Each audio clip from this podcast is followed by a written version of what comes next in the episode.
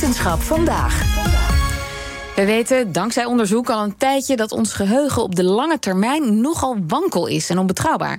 Maar nu blijkt ook ons korte termijn geheugen een stuk onbetrouwbaarder dan gedacht. Nou, toch wel een beetje slecht nieuws dit, maar we gaan het erover hebben met wetenschapsredacteur Carlijn Meinder. Zeker, Lijn. Hoi. Ja, op zijn minst een beetje zorgelijke informatie dit jaar. Uh, het idee voor dit onderzoek kwam van Jair Pinto van de Universiteit van Amsterdam. Co-auteur en cognitief psycholoog Marte Otte vertelt waarom ze in dit onderzoek wilde kijken naar de link tussen onze verwachtingen en ons korte termijn geheugen. Er is al ander onderzoek, wat ouder onderzoek, en dat laat zien: oké, als je mensen iets laat zien en je vraagt ze kort daarna: wat heb je gezien? Dan zie je al dat verwachtingen een rol beginnen te spelen. En de claims van andere labs waren eigenlijk: oké, dit is een perceptueel effect. Dit is een effect wat eigenlijk een soort hallucinatie is van mensen. Zij kijken naar de wereld en ze zien iets anders dan er echt is op basis van hun verwachtingen.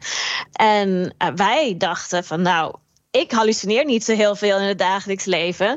Wij denken dat dit niet een, een soort visuele hallucinatie is, maar dat het iets is wat eigenlijk vrij kort daarna gebeurt. Dus je hebt iets gezien, het is accuraat.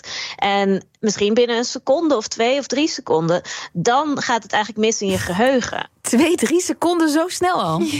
Ja, dat was uh, het idee. Dus wat zijn ze gaan doen? Ze zijn gaan kijken wat het zien van verwachte en soms onverwachte dingen met het korte termijn geheugen doet. Weten mensen even later nog precies wat ze hebben gezien? En zo niet, zijn ze dan misschien toch overtuigd dat wat ze hebben gezien wel klopt? Dat is eigenlijk een, eh, best een abstracte taak die mensen, de mensen moesten doen. Dus ze kregen uh, zes uh, letters op een scherm aangeboden in een cirkel. Um, en de instructie is: onthoud alle zes letters en de locatie voor een korte periode. En dat was dan of een halve seconde of drie secondes. Um, en na die periode kreeg je een, een boxje aangeboden op het scherm van de plek van de letter die ze moesten rapporteren. Dus één van de zes letters wist wisten ze pas na een korte periode welke van die zes letters ze moesten rapporteren. Uh, en dan vroegen we, oké, welke letter heb je specifiek daar gezien? Uh, dan mochten ze kiezen uit een aantal letters. Maar ze haalden daarbij een trucje uit in die display van zes letters was ongeveer de helft uh, gespiegeld. Dus sommige letters stonden achterstevoren. En we hadden ook gezegd van tevoren, weet je wel, sommige letters staan achterstevoren. Let nou op, onthoud dat ook. En rapporteer exact wat je hebt gezien. Dus als het achterstevoren stond, zeg dat.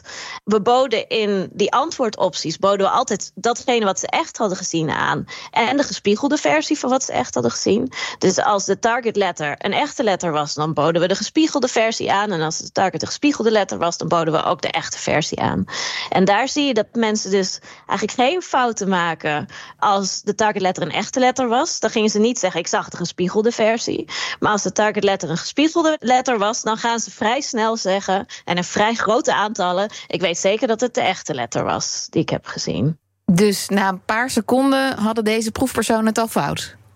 Ja, ja, ja. Iets wat ze echt letterlijk net gezien hadden, hadden ze fout. Maar ze waren ervan overtuigd dat ze het wel goed hadden. En dat gebeurde dus bij de letters die tegen ons verwachting in gespiegeld waren. Blijkbaar wordt dat zelfs in ons korte termijn geheugen al razendsnel aangepast aan wat we verwachten dat er zou moeten staan. En in sommige van de experimenten zagen de proefpersonen in 50% van de gevallen deze illusie. En dat geldt dan voor jong en oud? Of oud en jong, moet ik eigenlijk zeggen? Uh, ja, nou, deze studie is met studenten gedaan. Dus dat weten ze niet. Dat zou een vervolgonderzoek kunnen zijn. Je zou dit ook nog met andere voorwerpen kunnen proberen. Of afbeeldingen bijvoorbeeld. Uh, je zou kunnen denken, als we ouder worden, zitten we nog meer vastgeroest in die verwachtingen. Dus maken we misschien nog meer fouten om die reden.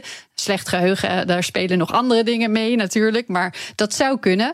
Uh, zelf is Otte eigenlijk nog veel breder geïnteresseerd in cognitie en vooroordelen en verwachtingen. Dus ik ben zelf heel erg nieuwsgierig om dit om te bouwen naar een experiment waarin we mensen eh, ja, eigenlijk sociaal relevante stimuli aanbieden. Misschien iets wat mensen zeggen, of een, uh, een manier waarop mensen iets zeggen, of een gezichtsuitdrukking van mensen.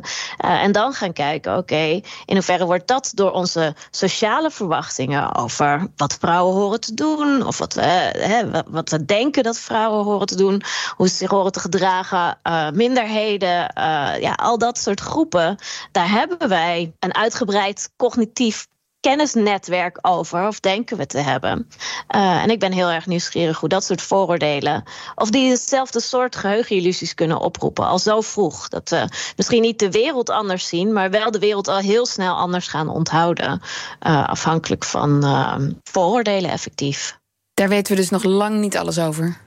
Nee, nee. En ook als je kijkt naar politiek, polarisatie, ja. is dat ook interessant. Bepaalt jouw beeld van de wereld wat je nog aan nieuwe informatie kunt opnemen, bijvoorbeeld. En of je nog van gedachten kan veranderen. Daar is Otte ook naar aan het kijken. Maar daar gaan we het allemaal een keer met haar over hebben.